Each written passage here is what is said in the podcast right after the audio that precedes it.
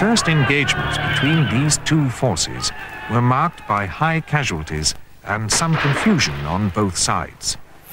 Spectrum, jou middagnuusprogram op RSG. Die kans om so 'n ding te kry, dis een van hierdie goed waaroor ons grappe maak. Jy weet ons sal sê, ja, um, ons gaan nog 'n kanon kry of ons gaan nog 'n bajonet kry. Brintie waar jy het ons. 'n Argeoloog deel sy vreugde na 'n bajonet uit die Tweede Anglo-Boereoorlog gevind is. Na byna 'n kwart eeu tree Dr. Blyden se man die uit as leier van die SAKP. It's time for a new general secretary to take over with new ideas, new energy, new direction and focus. In 'n noodtoestand word in Sri Lanka verklaar na betogingsmomentum optel. Goeiemiddag, ek is Susan Paxton. Jy luister na Spectrum.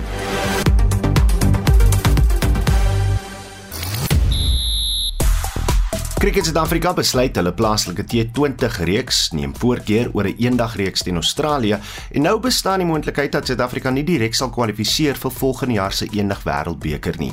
Bafana Bafana reg vir finansiële kragmeting te Mosambiek in die kwart eindstryd van die Kusafa beker en Tiger sê hy is beslis nie gereed vir aftree nie dit op die vooraan van die Britse Ope waar Woods môre by St Andrews sal afslaan. 'n Volledige bulletin volg net na 12:30.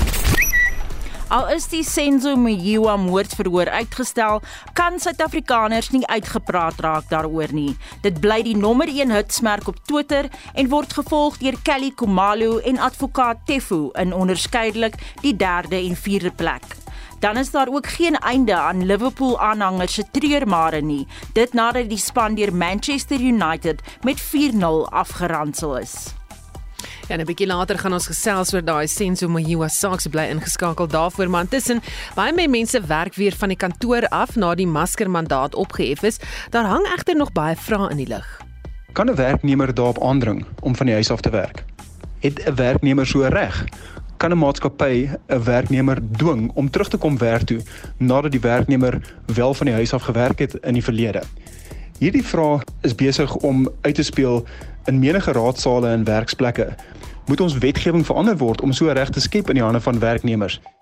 Laat weet ons as jy nog van die huis af werk en indien so hou jy by jou normale werksure of werk jy langer ure sonder ekstra vergoeding. Stuur 'n SMS na 45889 teen R1.50 per boodskap of praat saam op die Monitor en Spectrum Facebookblad. So bykans 7 minute oor 12 jy luister na Spectrum en die bedanking van Eskom se hoof van kernkrag te midde van een van die grootste opgraderingsfases van die Kuiberg kernkragstasie skets 'n onseker prentjie meen kenners. Redewaan Barkardien gaan aansluit by 'n kragverskaffer in Kanada.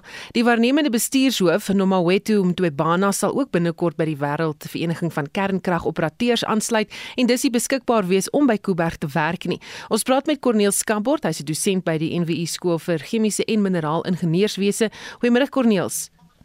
Goeiemôre Susan. Het maandag al verwys na hierdie gebeure. Wat is die moontlike impak op kragopwekking?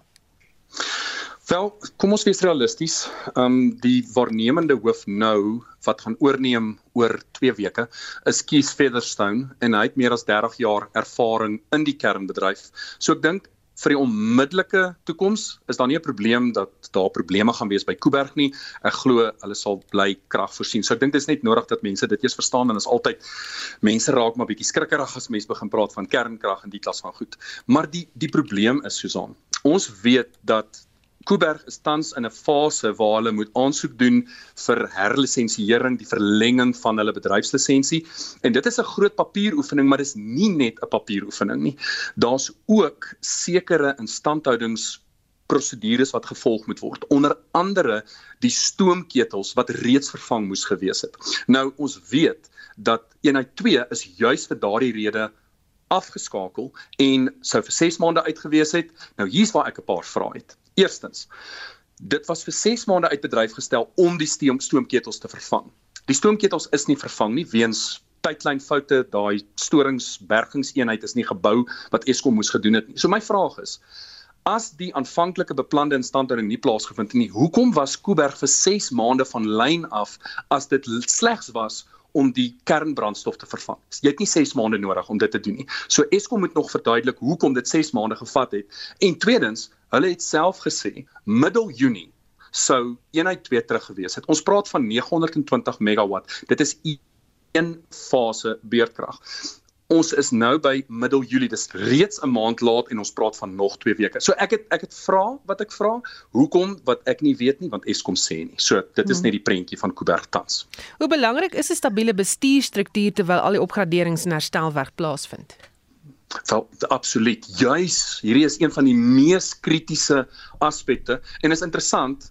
Um Jan Oberholz het dit Oktober laas jaar toe hy met afgryse verneem van die totale uittog. Ek dink hulle het gepraat van 'n tsunami van kundigheid wat uitgaan. Nou die positiewe daarvan is, dit wys net vir jou ons Suid-Afrikaanse ingenieurs is meer gesog as daai truffels wat die varke so uitsniffel. So dit is goeie nuus dat dat ons ingenieurs in die buiteland so gesog is, want ek weet ouers vra altyd vir ons as akademici vra hulle vir ons ook kan iemand met 'n ingenieursgraad oor see werk? Absoluut. En hier's voorbeelde daarvan. Ons sit met kundiges ons sit met mense met ervaring. Ongelukkig.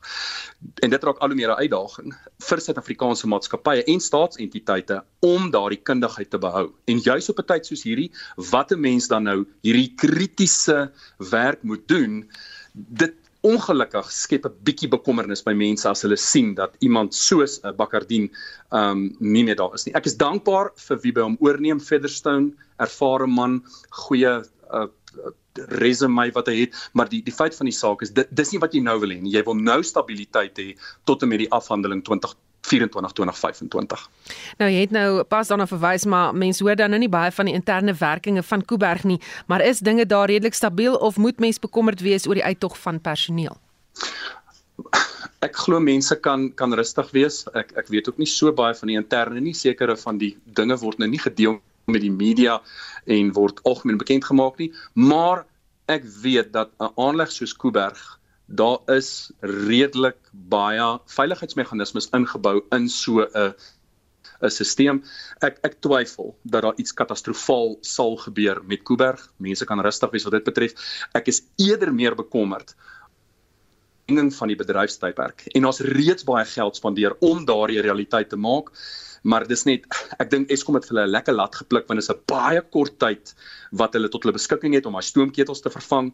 Daar's reeds uh, 'n uh, magdom probleme daarso wat dit betref, uh, logistiek. So ek dink net daar's 'n baie kort tydlyn om baie dinge te doen. So dit gaan vir my eerder oor die verlenging van Kuiberg. Ek is nie bekommerd oor die oor die bedryf van Kuiberg tot en met 2024 nie. My bekommernis lê eerder hoe lyk dit post 2024? Baie dankie. Dit was Corneel Skambort, 'n dosent by die NWU Skool vir Chemiese en Mineraalingenieurswese. Die burgerregteorganisasie Afforum sê hy is teleurgestel met hoe sake in die hof verloop het tydens die Senzomiwa verhoor gister. Midde van verrigtinge het advokaat Malasela Tefo aangekondig dat hy nie meer 4 van die 5 verdagtes in die hof sal verteenwoordig nie. Tefo het aangevoer dat hy getuister word. Advokaat Garinel, hoof van Afforum se privaat vervolgingseenheid sê dis een van talle ander vertragings in die saak dat dit baie jammer dat ons nou nog maande na die saak begin het onsself ophou met die optrede van regspraktisyns binne en buite die hof. Ons sou nou 'n onderhoud moes gehad het oor die getuienis, oor hoe sterk die getuienis is, hoe goed die kruisvoor is, dat daar ballistiese getuienis gelei is. Ons sou ons nou met die meriete van die saak moes ophou. Want ons maande na die saak begin het, maar ons hou onsself op met die optrede van regspraktisyns binne en buite die hof. So ek dink dit is tekenend wat gebeur het met met hierdie saak sover, hoe die saak sover gevoer het. Gister was tekenend. Gister was daar vier aspekte. Die eerste aspek is die saak is uitgestel vir 'n uh, argument oor die jurisdiksie van die hof. Nou enige iemand wat al ooit artikel 110 van die strafproseswet gelees het, sal vir jou sê dat daar was absoluut geen meriete in die saak nie. Dis ingesien en dis geabandoneer. Dit is nie al Daar word toe aansoek gebring in terme van artikel 87 van die strafproseswet. Nou dit is nie beskikbaar vir 'n beskuldigde sodra getuienis gelei is. En ons weet getuienis is gelei. Die aansoek het ook geen bestaansreg nie. Dan was daar 'n derde aansoek. En dit was 'n aansoek in terme van artikel 6B van die strafproseswet om die verrigtinge te stop. En dit was gebring teen die nasionale direkteur van openbare vervolgings, maar sy het geen jurisdiksie in terme van artikel 6B nie. Sy kan nie daaroor besluit dit moes gebring gewees het teen die direkteur van openbare vervolgings advokaat Msinyati. So daar's nou 3 aansoeke gister gebring aspekte bespreek wat absoluut geen bestaansreg het nie en toe gebeur 'n vierde. Advokaat Tefu dui vir die hof aan dat die lewe van sy beskuldigde is in gevaar as gevolg van wat met hom gebeur in die gevangenis en die hele dag word opgeneem tot uiteindelik 'n brief gelees het deur die beskuldigde. En die hoogtepunt daarvan is dat hy word vir 23 van die 24 ure dag word hy opgesluit. Hy het 1 uur kan hy gebruik vir oefening. Hy het nie toegang tot radio en of leesmateriaal nie. Nou of dit in terme van die grondwet reg is, is een aspek, maar 'n verhoorhof kan hom nooit hiermee ophou die feit dat daar aangedui is dat sy lewe in gevaar is, het die verhoorhof genoop om hierna te luister wat nie moes gebeur het nie. So soos aan daar's van die begin van hierdie saak af verskeie aansoeke gebring, maar niks wat met die meriete deel. So hmm. as daar nou nuwe advokate aangestel word Susan, dan hoop ek dat die advokate wat aangestel word gaan op die meriete fokus sodat ons die saak in die gang kan kry en dat ons by 'n bevinding kan uitkom. Hmm. Uh, hoe gefrustreerd is jy? Dink jy dat regspraktisyns hulle optrede in die hof en wat die sake aanbetref en die afhandeling van sulke sake dalk moet begin heroorweeg? Ek was in die hof gisteroggend. Ek en 'n span van my kantoor was in die hof. Ek was so gefrustreerd oor wat gebeur en wat nie gebeur nie dat ons geloop het. Dat ek net gesê het ek kan nie meer sit nie. Kom ons gaan terug kantoor toe, ons kan dit volg op een of ander media. Maar jy weet, miskien is dit net Susan, ek sal toegee, miskien is dit net omdat ek ou man is. En omdat ek al baie lank praktiseer en omdat ek glo in die waardigheid van die hof en ek glo in respek en 'n manier van optrede in 'n hof wat ek nie waargeneem het nie. En dit my frustreer. So die optrede in die hof frustreer my, die feit dat die saak nie vorder nie frustreer my. So as dan 'n nuwe advokaat aangestel word soos aan en ons kan die saak op die meriete voer, dan is dit dalk positief. En dit was advokaat Gerry Nel hoof van Afriforum se privaat vervolgingseenheid. Na bykans 25 jaar aan stuur van die Suid-Afrikaanse Kommuniste Party sal Dr Blyden Semandi uittreë as leier van die party. Die SKP se 15de nasionale kongres het vandag begin in Boksburg aan die Gautengse Oosrand. En Semandi sê hy is tevrede met sy nalatenskap. It's time for a new general secretary to take over with new ideas, new energy, new direction and focus. I'm handing over a much larger communist party than it has ever been in its 101 years now. It's got a presence throughout our nine provinces. En dit is die stem natuurlik van Dr Blyden Semande. Ons praat nou verder met professor Dirk Coetzee, politieke ontleder van Unisa. Goeiemôre Dirk. Goeiemôre Susan. Kom ons praat eers oor wat is in Simandi se agtergrond? Hoe het hy in hierdie posisie gekom? Uh, hy kom uit KwaZulu-Natal uit. Hy was daar um, uit, op universiteit eers by die Universiteit van Zululand en toe by die Universiteit van Natal. Ehm um, daar het hy studies gedoen hoofsaaklik in bedryfsielkunde. Ehm um, sy BA was ook in in publieke administrasie en bedryfsielkunde. En dit het hom gebring in kontak met vakbonde. Hy het begin om aktief te raak by vakbonde. Hy was sy internskap het gedoen by die Hewlett uh, suikermaatskappy en daar het hy in kontak gekom met Jay Naidu wat um, soos ons weet die algemene sekretaris later was die eerste een van Kusatu. Um, en dit het gelei tot sy bewusmaking van die die situasie van georganiseerde arbeid en van werkers in die algemeen. Ehm um, en die die rol wat vakbonde speel en dit was in die vroeë 1980s laat uh, dat dit uiteindelik om gebring het in by die idee van die sosialistiese idees en die idees van die kommunistiese party. Um, en hy begin om uh om lees om lesings te hou, om skole aan te bied inligtingsessies oor verskillende marxistiese idees of verskillende marxistiese onderwerpe. Um, en later het hy toe die by die Universiteit van Zululand die departement van bedryfsielkunde of industrial psychology as die Engels gevorm. Um, en daarna het hy in in dosent geword by die in 1987 in by die Universiteit van Natal in sielkunde. Ehm um, dit het ek kom ontmoet het. Hy toe president geword van die departement van die Suid-Afrikaanse uh, sosiologiese vereniging niemand van ons het op daai stadium nog geweet dat hy so betrokke is by die kommunistiese party nie. Dit het eers werklik uitgekom na 1990 toe die party weer gewettig is. Hm. So hy was eers 'n uh, akademikus. Ja, en uh, mens kan dit nog steeds in hom sien. Baie van die goed wat hy praat is meer die van 'n akademiese aard, um, in steede daarvan om die tipe leiersfiguur te wees soos Joe Slovo wat algemene sekretaris was naam Krisani uh, Charles en Kakula um, en ander figure. Ehm um, so hy het dit uh, meer op 'n op 'n minder politieke manier en 'n meer van 'n debatsmanier amper as ek dit so kan stel het hy sê sy posisie benader. So 24 jaar soos hy gesê het amper 25 jaar, wat het hy vermag as leier? Om eerlik te wees, dis moeilik om te sê. Wat hy gesê het in in die onroud is een van sy belangrikste uh pluspunte en dit is dat die kommunistiese party het gegroei. Uh hulle hulle maak aanspraak daarop dat hulle omtrent die by die 300 000 lede het. Um wat natuurlik baie ver agter die ANC was nader aan 'n miljoen lede het. Um maar dit is uh gegee die feit dat die kommunistiese party voor 1990 toe dit 'n ondergrondse beweging was, nooit meer as om 20 2 3000 lede gehad het. Um en nadat hulle gewettig is, ook vir 'n lang tyd nie eers 100 000 lede gehad het nie um, is dit definitief 'n 'n positiewe aspek. Maar maar die die negatiewe kant van hom is of die kant wat ek sou sê wat gekritiseer kan word is dat die kommunistiese partye is, in 'n groot mate gekopieer deur die ANC in die regering. Baie van hulle leierfigure het ministers geword, mense soos Jeff Gadebe, Charles Nkula, uh, Eric Owen en ander. Uh, en veral in ekonomiese portefeuilles en hulle is eintlik gekopieer om 'n om 'n ekonomiese beleid te implementeer wat glad en geheel nie dit geassosieer kan word met 'n kommunistiese party nie. So die party se identiteit het verswak en sy prominensie en sy stem het mens baie dat ons nie meer gehoor nie.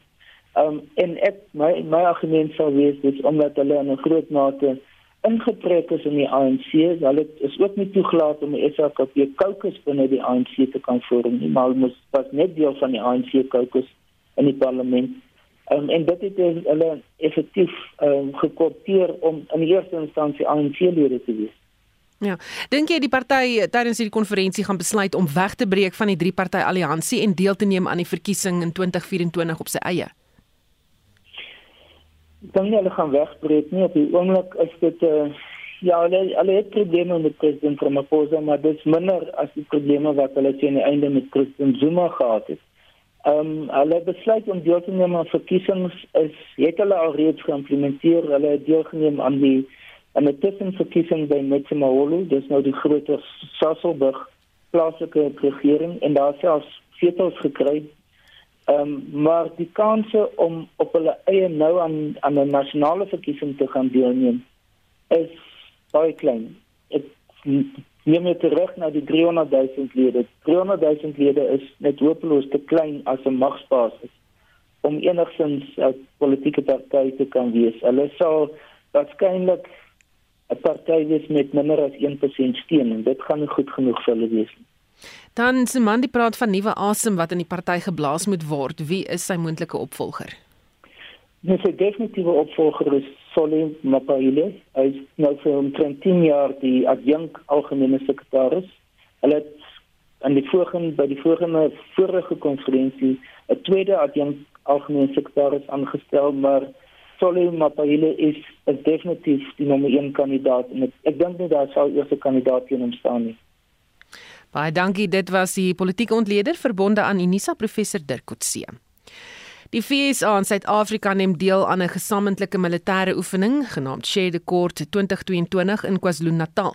Professor Abel Estreise van die fakulteit Krygskunde aan Universiteit Stellenbosch het aan Adeline Moses gesê so 'n operasie hou voordele in vir Suid-Afrika sowel as Amerika ek dink daar's 'n paar voordele. Die een is dat weermagte by mekaar leer, hulle skerp mekaar op en dan natuurlik 'n belangrike aspek is wat hulle in Engels na verwys as interoperability. Met ander woorde, hulle leer om saam met mekaar te werk, om mekaar se uitrusting te verstaan, mekaar se manier van doen te verstaan, se kultuur te verstaan binne weermagte.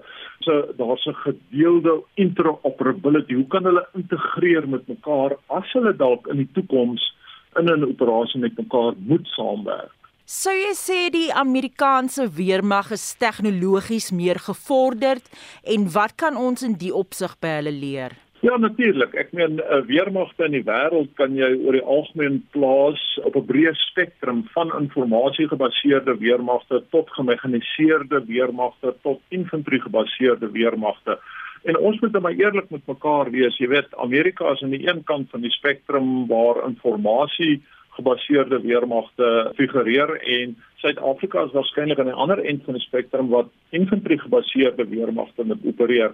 Maar dit beteken nie dat ons nie met mekaar kan saamwerk nie en dat ons nie by mekaar kan leer nie. So hulle gaan waarskynlik met afskaal en ons gaan 'n bietjie moet opstaan wil ek amper sê om uit te kom om by mekaar te leer en hande te vat. Wat beteken die gesamentlike operasie op die diplomatieke front? Die FSA in vergelyking met China, Rusland en ander lande het nie 'n baie sterk fokus, strategiese fokus op Afrika en betrokkeheid in Afrika op die oomblik nie.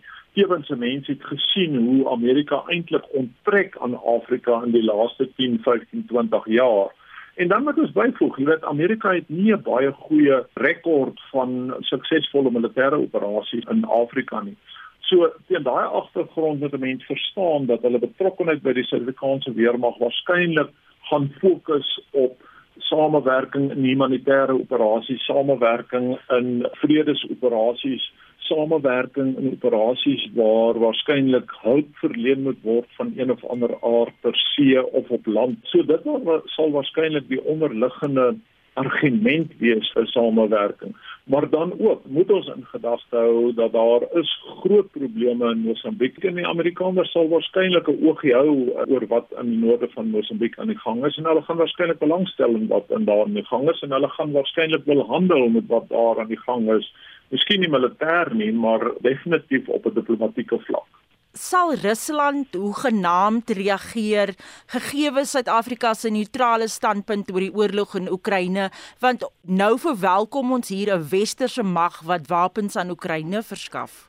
Nee wat, ek dink die oorlog in Oekraïne gaan geen effek hê op hierdie operasie nie. Tewens hierdie operasie beklemtoon Suid-Afrika se neutraliteit deurdat ons gemaklik is om beide met die Amerikaners en die Russe saam te werk in operasies. So hierdie gaan eerder ons neutraliteit beklemtoon as wat dit sal aanleiding gee tot spanning tussen uh, die FSA, Suid-Afrika en Rusland. Ek dink nie dit sal enigsins uitspeel.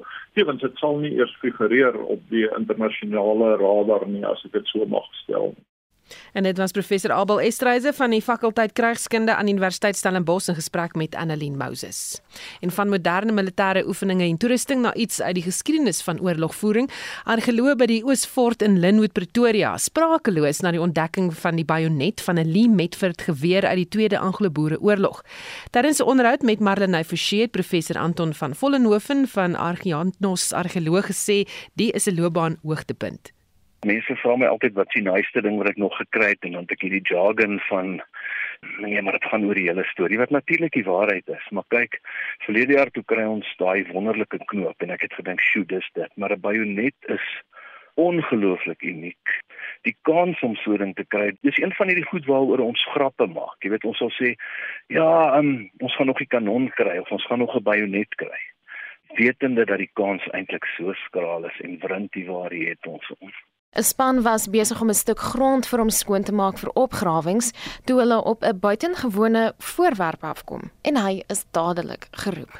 Dis toe nou waar ek nou maar gaan lê het en met die fyn toerustingkie gekrap krap krap het tot dit die hef mooi oop het en dit was toe al later in die middag en toe voel ons raai kom ons maak hom net toe vir die aand en ons het 'n konserveerder gekry. En sy gaan hom nou eintlik vandag uithaal, want sy gaan nou seker maak dat die metaal wat uitkom op die regte manier bewaar word sodat dit nie verder agteruit gaan nie want dit kan verskriklik maklik gebeur. Ten tye van die onderhoud was die bajonet nog in die grond en om dit uit te haal neem tyd. Ek vermoed sy gaan so 2, miskien selfs 3 ure besig wees. Hy moet omtrent hier by 60 sentimeter sou ek raai, behoort dan nie langer as dit wees nie, in die grond in wees. So jy kan nou dink versigtig stukkie vir stukkie af gaan onder toe. Nie te hard werk nie want net nou druk jy teen die ding en hy breek af of so. So hoe lyk dit? Amper soos 'n swaard, maar natuurlik nou korter 'n dolk miskien, uh, met 'n houthandvatsel. Die hout is ongelukkig nie meer daar nie. Ons kon net die pennetjies sien waarmee die hout aan die metaalgedeelte van die steel vas is. Die agterkant is geel koper. Dit kan ons nou nog nie, nie mooi sien nie, maar ek weet nou natuurlik hoe lyk die goed. Die bajonet is langs 'n muur in die grond gesteek en dit is bykans ongehoord soldate moet altyd rekenskap gee van hulle gewere, rekenskap gee van hulle ammunisie en so meer.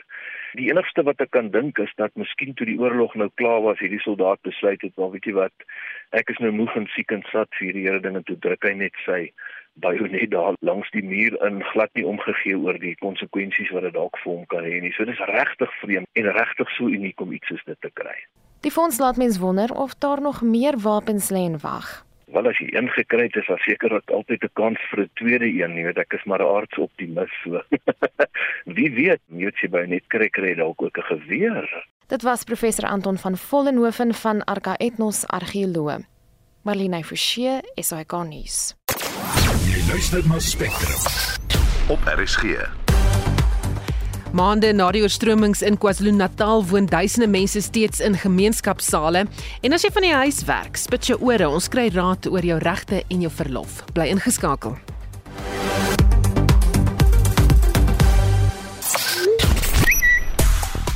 Dit gons op Twitter oor die SAKP leier Blyden Zamande wat na meer as 2 dekades aan die stuur die leiersels gaan oorgee.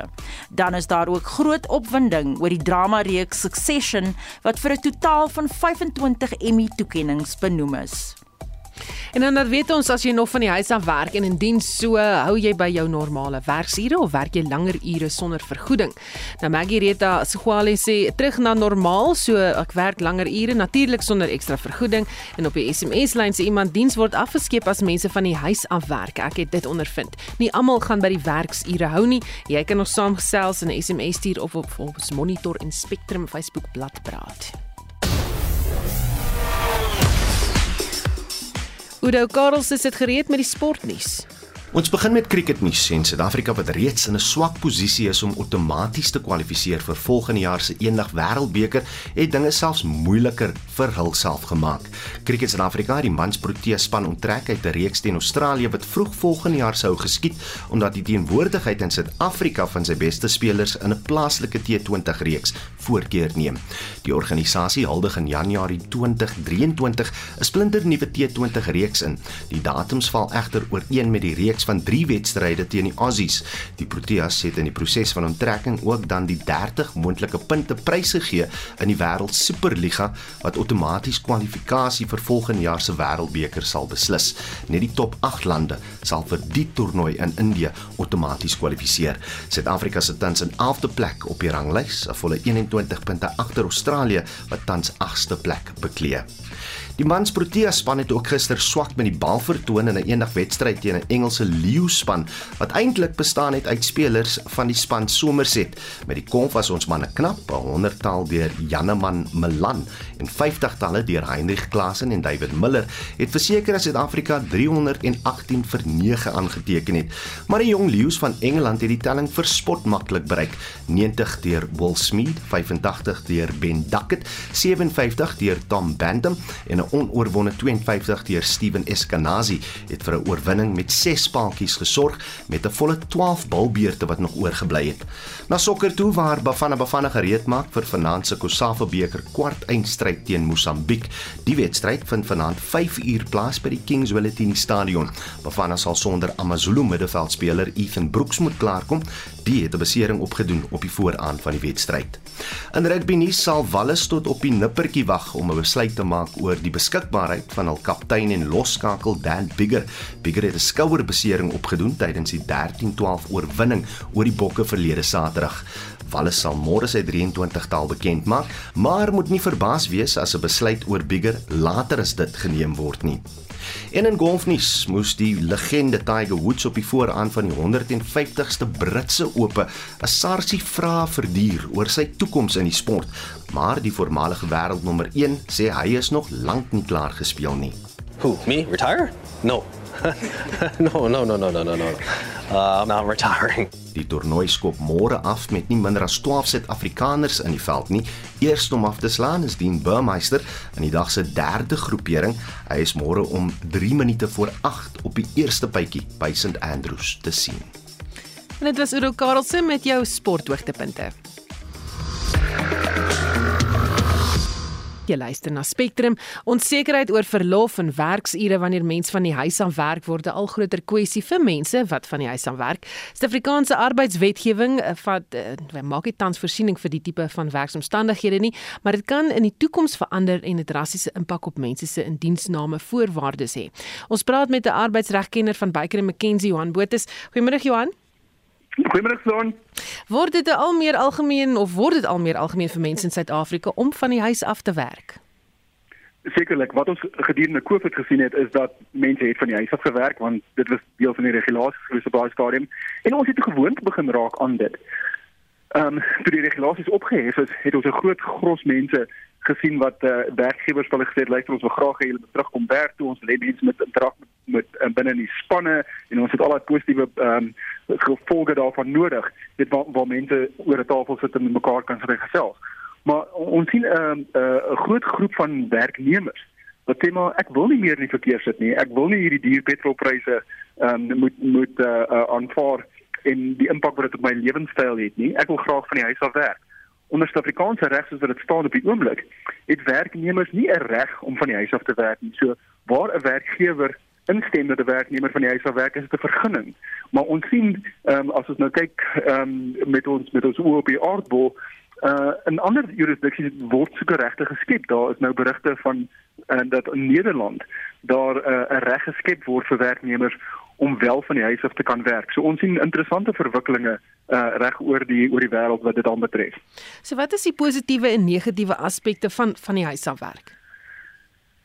Vir vir werkgewers is daar positiewe aspekte in dat as ek nie weet 100 mense vir vir hulle kantoorspasie moet gee elke dag nie en ek kan mense toelaat om elke tweede dag in te kom werk toe, moet ek potensieel net uh, vloerspasie hê vir 50 mense.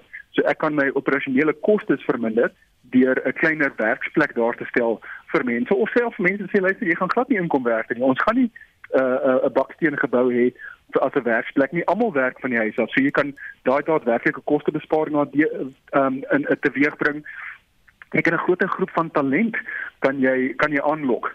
Want nou nou kies mense luister as jy nou in Hartbeespoort bly en jy wil nie in in shuttle send en die elke dag nie. Is dit is dit reg met my? Jy kan nog steeds van daar werk. So iemand wat van tevore af nie 'n werksaanbod my sou aanvaar omdat hulle nie wil inreis en doen nie, sou nou miskien meer genoof wees om vir my te werk. So ek het 'n groot pool of groep van mense en talent waarvan ek af kan trek van die negatiewe aspek en natuurlik groot voordele vir die werknemers ook. Weet ek hoef nie in die verkeer te sit nie. Ek kan my kinders by die skool gaan oplaai en aflaai en ek kan my my werksure meer buigsaam hanteer sodat dit my uh, lewenstyl uh, aanbetref. Ek kan nie oggend gaan hardloop of gaan fietsry en ek hoef nie nou my tyd in 'n in 'n vergadering te gaan spandeer nie. Ehm um, van die negatiewe aspekte is en sien daar soos studies wat deurkom rondom dit. Van daai ehm um, wat, wat kreatiwiteit aanbetref, hoe daai aspekte lê waar spanne nie saam kan sit en saam net iemand net 'n kop in 'n kantoor kan indruk en sê maar hoe hanteer ek dit kan jy my help met hierdie aspek nie so ons sien van die ehm um, navorsing wat wat daai aspekte ehm um, uh uh, uh highlight mm -hmm. en en dan sien ons ook al was 'n baie interessante studie gewees wat in China plaasgevind het uh, wat Stanford Universiteit gedoen het wat hulle gevind het een van die neeweffekte van werk van die huis af is dat nie eens staan die feit dat mense wat van die huis af werk oor die algemeen meer produktief is nie. Ehm um, word hulle minder bevorder. So as dit is daai dilemma waarmee jy sit as 'n werknemer wat van die huis af werk, is dat jy jou baas sien jou nie elke dag nie en wanneer dit kom by luister wie bevorder ek volgende, gaan die persoon wat in die kantoor langs hom sit of langs haar sit, miskien bevorder word bo jou net omdat jy nie ehm um, uh, in in in oog is die hele dag nie. So dit is party van die neeweffekte wat ons sien wat uh, van die huis af werk aanbetref. Hoe hier op eie bodem sal dit in diensname voorwaardes kan beïnvloed wat betref byvoorbeeld verlof. Dan ek ek ek ek ek voorsien dat ehm um, werknemers in die toekoms wanneer hulle uh, diensvoorwaardes gaan onderhandel met werkgewers, gaan onderhandel vir kontraktuele reg om van die huis af te kan werk. So daar is geen wettige of of statutêre reg om van die huis af te kan werk nie, maar partye kan daai reg skep in 'n kontrak. So ek glo werknemers wat in 'n goeie posisie is om hulle diensvoorwaardes te te beding, gaan vir werkgewers sê ek sal met graagte by jou kom werk, maar dan wil ek 'n kontraktuele reg hê om van die huis af te kan werk. So ek dink ek dink dit gaan gebeur. Wat verlof aanbetref, met werknemers en werkgewers moet ooreenkom oor wanneer werknemers verlof vat. Uh en as daar nie ooreenkomste is nie, dan kan die werkgewer vir die werknemer sê wanneer wanneer sulke jaarlikse verlof geneem moet word. So ek ek dink daar gaan meer buigsaamheid wees wanneer mense begin kyk na diensvoorwaardes. Um en dit is die tendens wat ons wêreldwyd sien. Daar daar veral wat die professionele um uh, werkgewers aanbetref in die finansiële bedryf sien ons dit ook dat waar waar jy 'n klein groepie van talent het waaronder jy moet is dat werkgewers besef dat hulle hulle self actually in 'n beter posisie kan sit um, uh, uh, um om om die regte talente te aan te lok en te behou deur bysame diensvoorwaardes vir hulle te kan gee soos van die huiswerk soos vir hulle uh byvoorbeeld reëls te kan gee oor wanneer hulle verlof kan neem, hoeveel verlof hulle kan neem, waar hulle kan gaan werk of hulle eintlik nog self in die land hoef te wees of hulle in Mauritius kan gaan sit en te werk. So ek ek sien daar 'n interessante verwikkeling wat dit al betref en ek glo dit gaan die tendens word. Ek glo nie ons gaan weer teruggaan na posisie waar ons was in begin van 2020 waar die norm is dat almal 5 dae week van die werk af werk of van enige gebou af werk. Hm, Mauritius, dit klink vir my 'n plan. Ek dink ons moet daar gaan uitsaai. Amen. Net so laaste laaste vraag luisteraar en dit is nou al in die howe beantwoord, maar miskien kan jy net iets daaroor sê. Die persoon vra kan jou baas jou dwing vir die COVID inspuiting? Ja, die die die reg is nog steeds ja. Die kort antwoord is ja.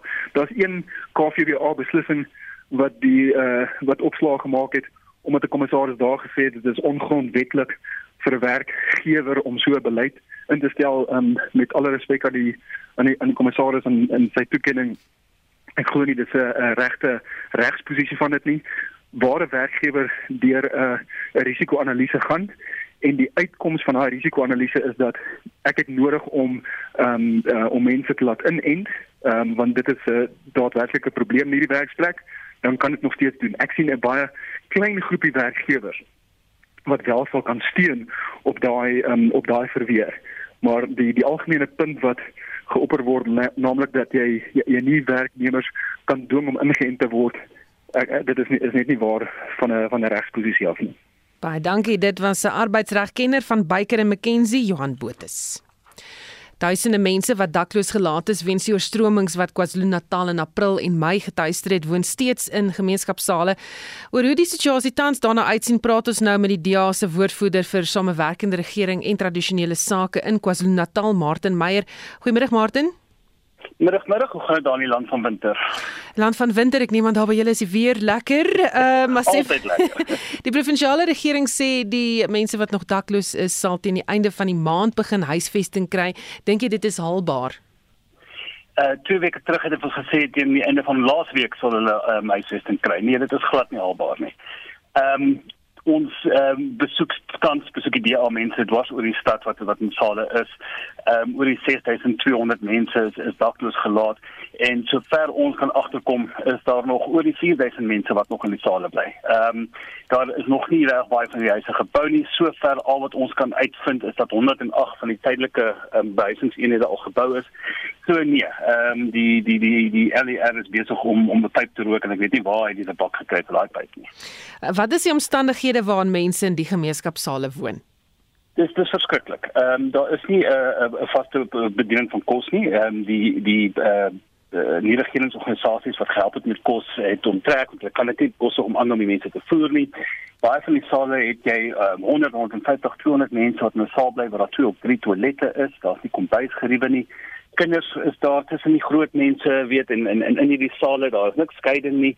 So dit is nie baie veilige situasie nie. Hulle is ver van die skole af. So dit is dit is regtig waar dit 'n onmenslike situasie en dit is dit gaan teen die mense se menseregte in. So wat is van die grootste uitdagings tans om al hierdie goed gedoen te kry sodat die mense kan terugkom in huise? Wel ek ek verstaan en ek ek het ek het simpatie vir die LER en dis dat om om grond te kry om die tydelike huise op te rig is is bietjie moeilik. Ehm um, en daar is van die gemeenskappe wat bietjie terug uh, stoot wat sien ons op die ehm um, hierdie tydelike behuisingseenhede in ons buurte nie.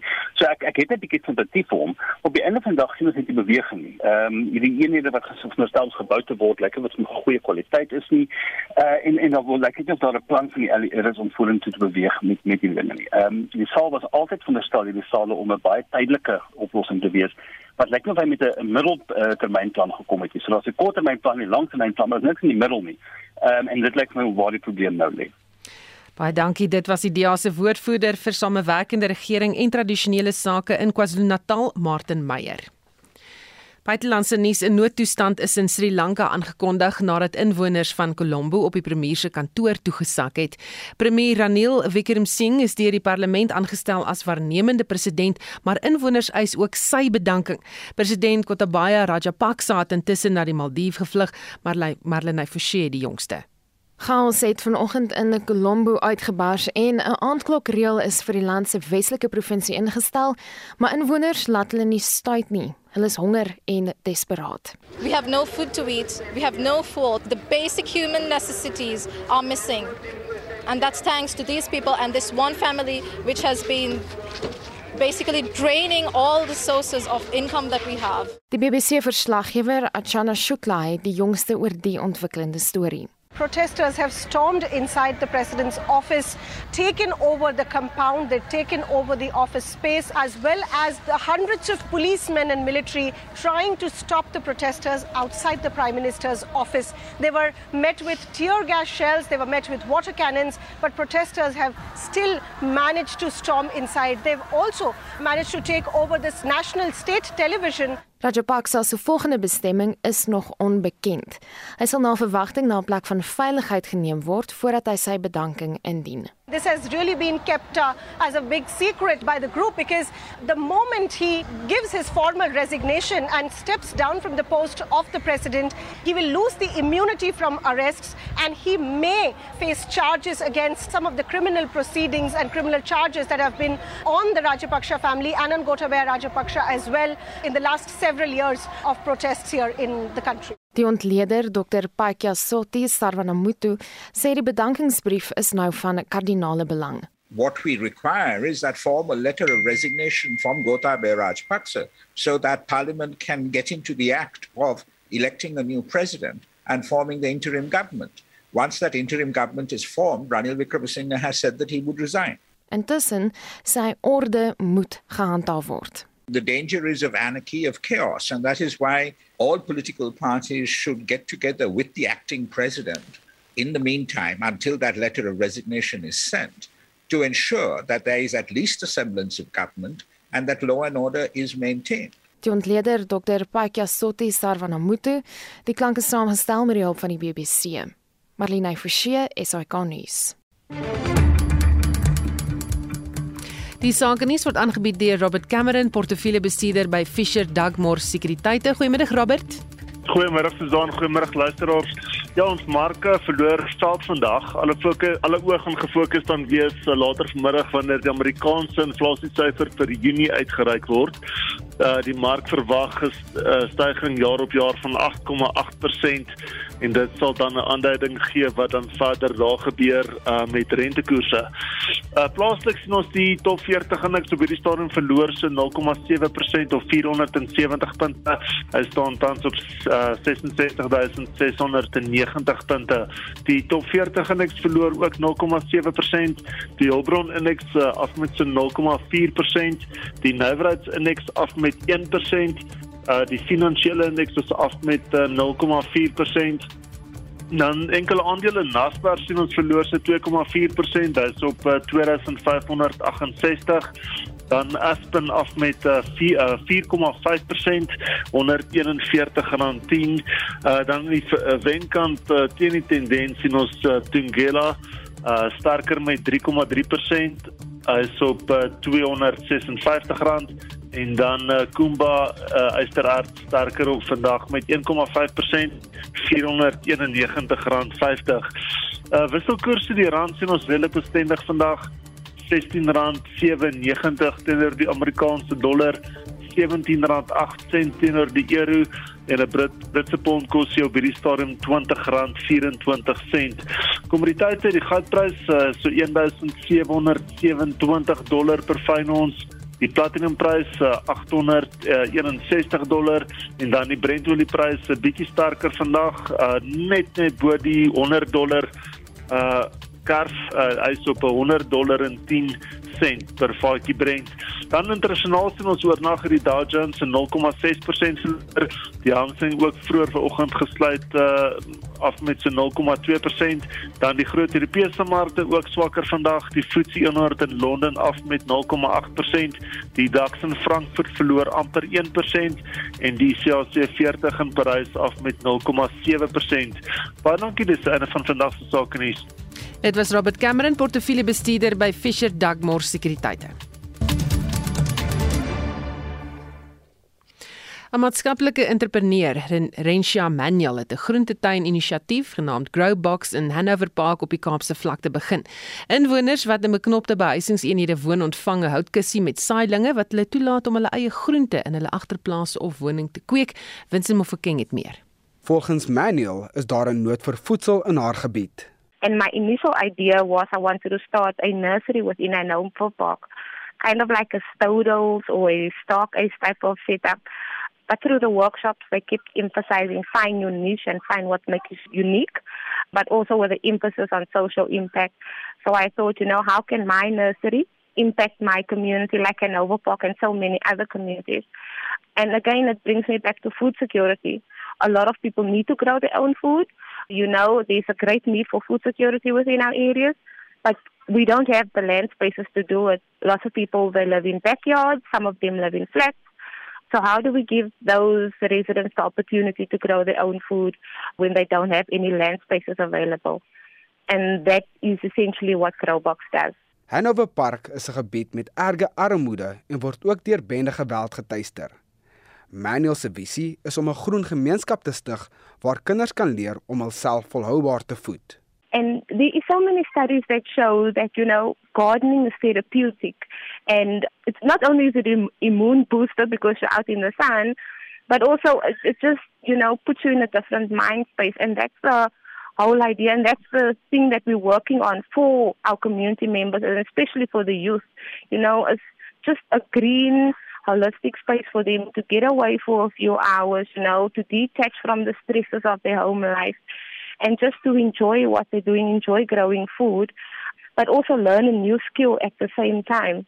Because our area has constant violence in the area. If it's not the social, issues like drug addiction or abuse that the learners or the community members experience at home, the gang violence or the shooting or this new trend of people stealing cables where you wake up in the morning and you without electricity because some drug addict was stealing the electric cables in the middle of the night. Sedert Januarie 2017 het Growbox meer as 183 mense bereik na 62 bestellings.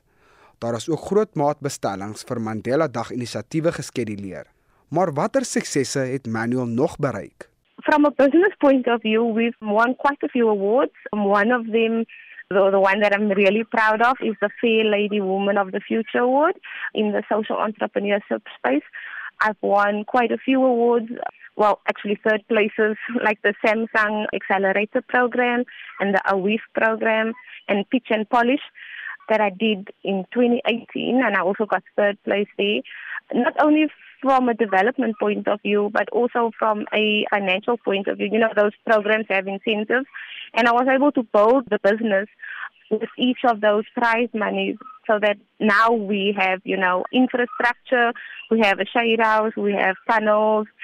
So yeah, we've kind of built everything year by year to the nursery setup and the space that we have right now. Dit was die maatskaplike entrepreneur en stigter van Growbox, Rencia Manuel.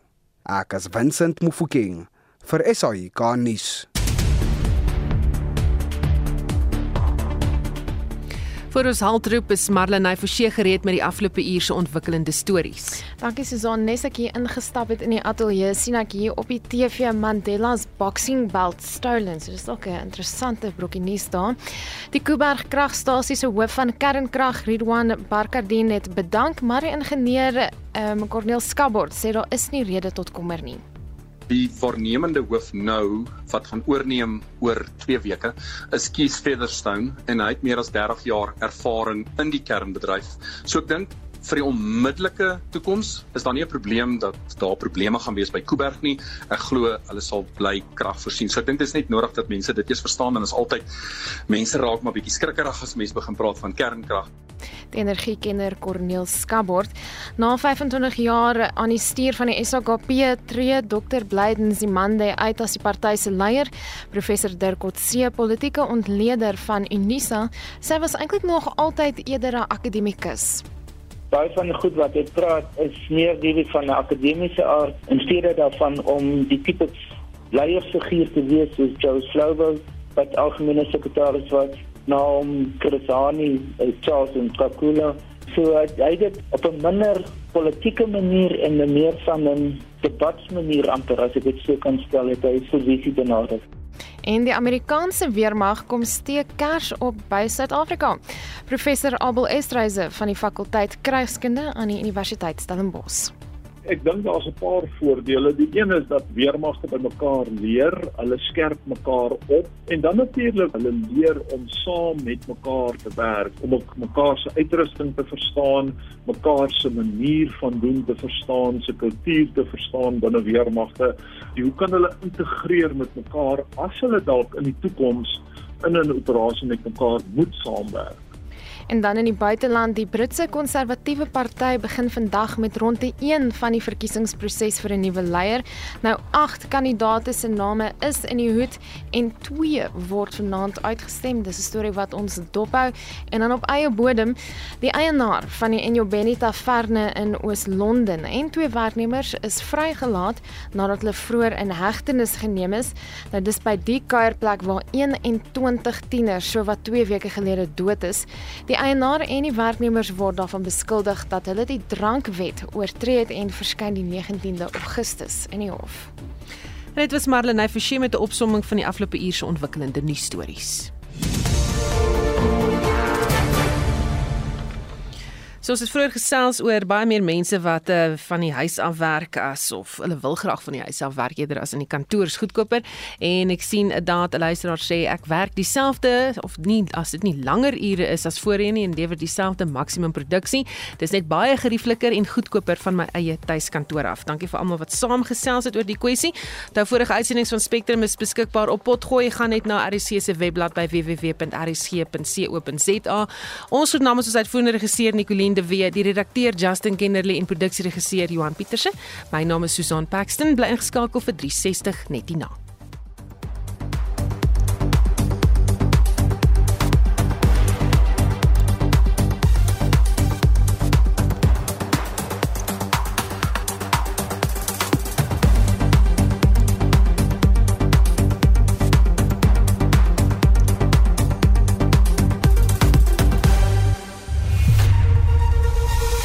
SAK nuus.